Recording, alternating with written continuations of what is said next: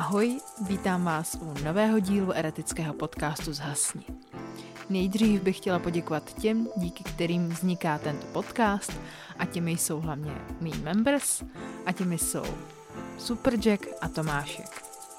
Děkuju také i těm, kteří mi zakoupili kafíčka a těmi jsou Jennifer, Lukáš Dědič, Diablero 1030, Feinschmecker, Eurog a Marlenka. Děkuji vám opravdu moc.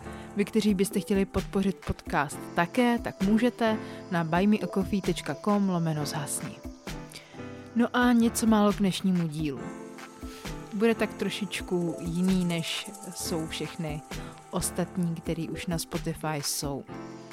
Bude se týkat sexu, ale sexu tak z trochu jiné stránky. Eh, ne jste úplně pozitivní, bohužel. Jde o sexuální zneužívání. Je to příběh jedné naší posluchačky. Nebudeme zmiňovat jméno, můžeme jí říkat třeba Angel. Tak pojďme na to. Zhasni. Byla jsem ještě mladá. Měla jsem krátce po 17. narozeninách, když jsem si našla přítele. Nebo spíš on mě. Bylo to takové znenadání, ale strašně krásné. Byl milý, pozorný a takové ty klasické věci. Ráda jsem s ním trávila svůj čas a cítila jsem se v jeho přítomnosti velmi dobře. Poprvé po dost dlouhé době jsem měla vztah s někým, koho jsem opravdu milovala a on miloval mě. Trvalo to přibližně rok než mi na mé narozeniny dal v krbičce klíče, jestli s ním nechci bydlet. Měla jsem strašnou radost a naše nebyly proti, protože už ho nějakou dobu znali a viděli, že je nám spolu opravdu dobře. Netrvalo to ani měsíc a už jsem byla u něj nastěhovaná. Prvních několik týdnů to bylo úžasné. On chodil do práce, já studovala a zkrátka život zalitý byl sluncem. Po nějaké době se něco muselo stát, nebo si to nedovedu jinak vysvětlit. Začal být nepříjemný, agresivní a já nechápala, co se to děje. Nebyla jsem si vědoma toho, že bych já udělala cokoliv špatně. Jednou takhle přišel domů z práce totálně vytočený a celé si to vybil na mě. V ten večer do mě bušel jak smyslů zbavený. Bolelo mě to. Prečila jsem, ale toho nedokázalo zastavit.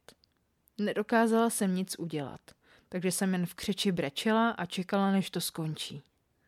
Po ani nevím, jak dlouhé době přestal. Zvedl se, oblékl si kalhoty, podíval se na mě a řekl mi, ať se koukám zvednout a udělám mu večeři. Nereagovala jsem. Nemohla jsem uvěřit tomu, co se právě stalo. Toho naštvalo asi ještě víc a začal na mě neskutečně křičet a mlátit mě. Potom mě chytl za vlasy a odtáhl do kuchyně, Sám si sedl ke stolu a čekal, než bude jídlo hotové. Jak se najedl a já uklidila nádobí, šla jsem do sprchy. Musela jsem ze sebe smít to všechno, co se dnes stalo. Hned na to jsem šla okamžitě spát. Bylo toho na mě zkrátka už moc a nějak mě to zmohlo. Pozdě v noci jsem slyšela cvaknout kliku. Byl to on.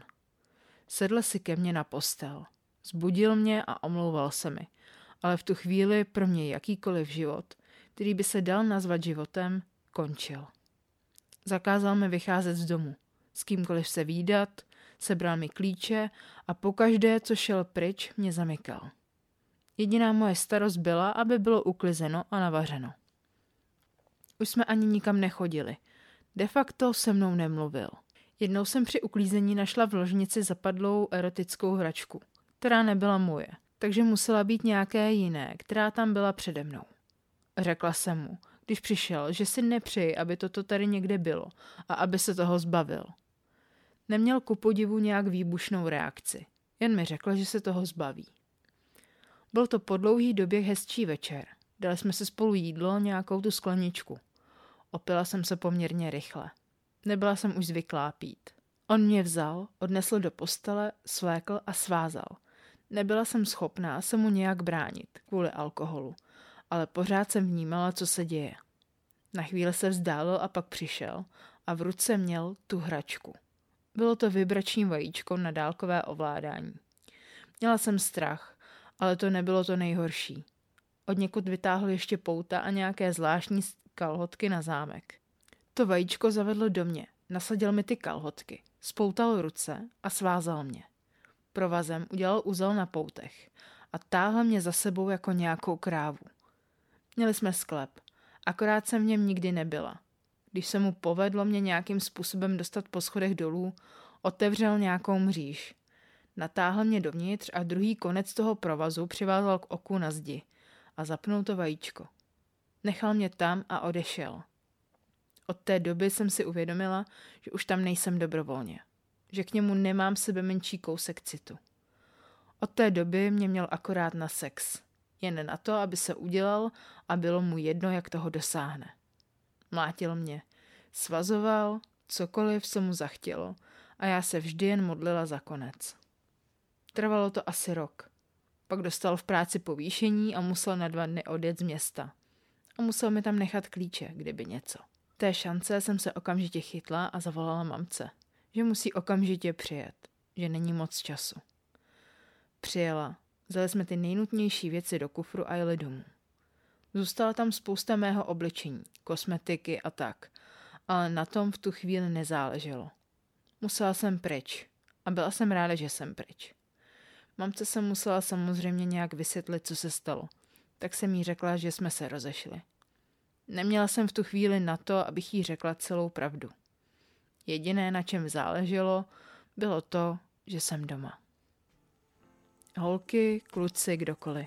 Ať už jste v takové situaci byli, jste nebo víte o někom, kdo je, je potřeba něco udělat a pomoct, protože tohle není v pořádku. A lidé, kteří si prošli sexuálním zneužíváním, si to mnohdy v sobě nesou po celý život. Děje se to dětem, ale i dospělým.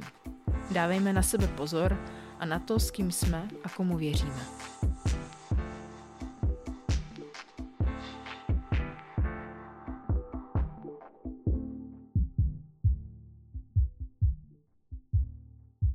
Tak tohle byl skutečný příběh naší posluchačky.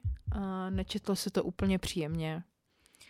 A hrozně mrzí, že se vůbec něčím takovým prošla a já jí moc děkuju za to, že se s něčím takovým svěřila a že to dokázala sepsat a že mi, že mi to vůbec poslala. Mm.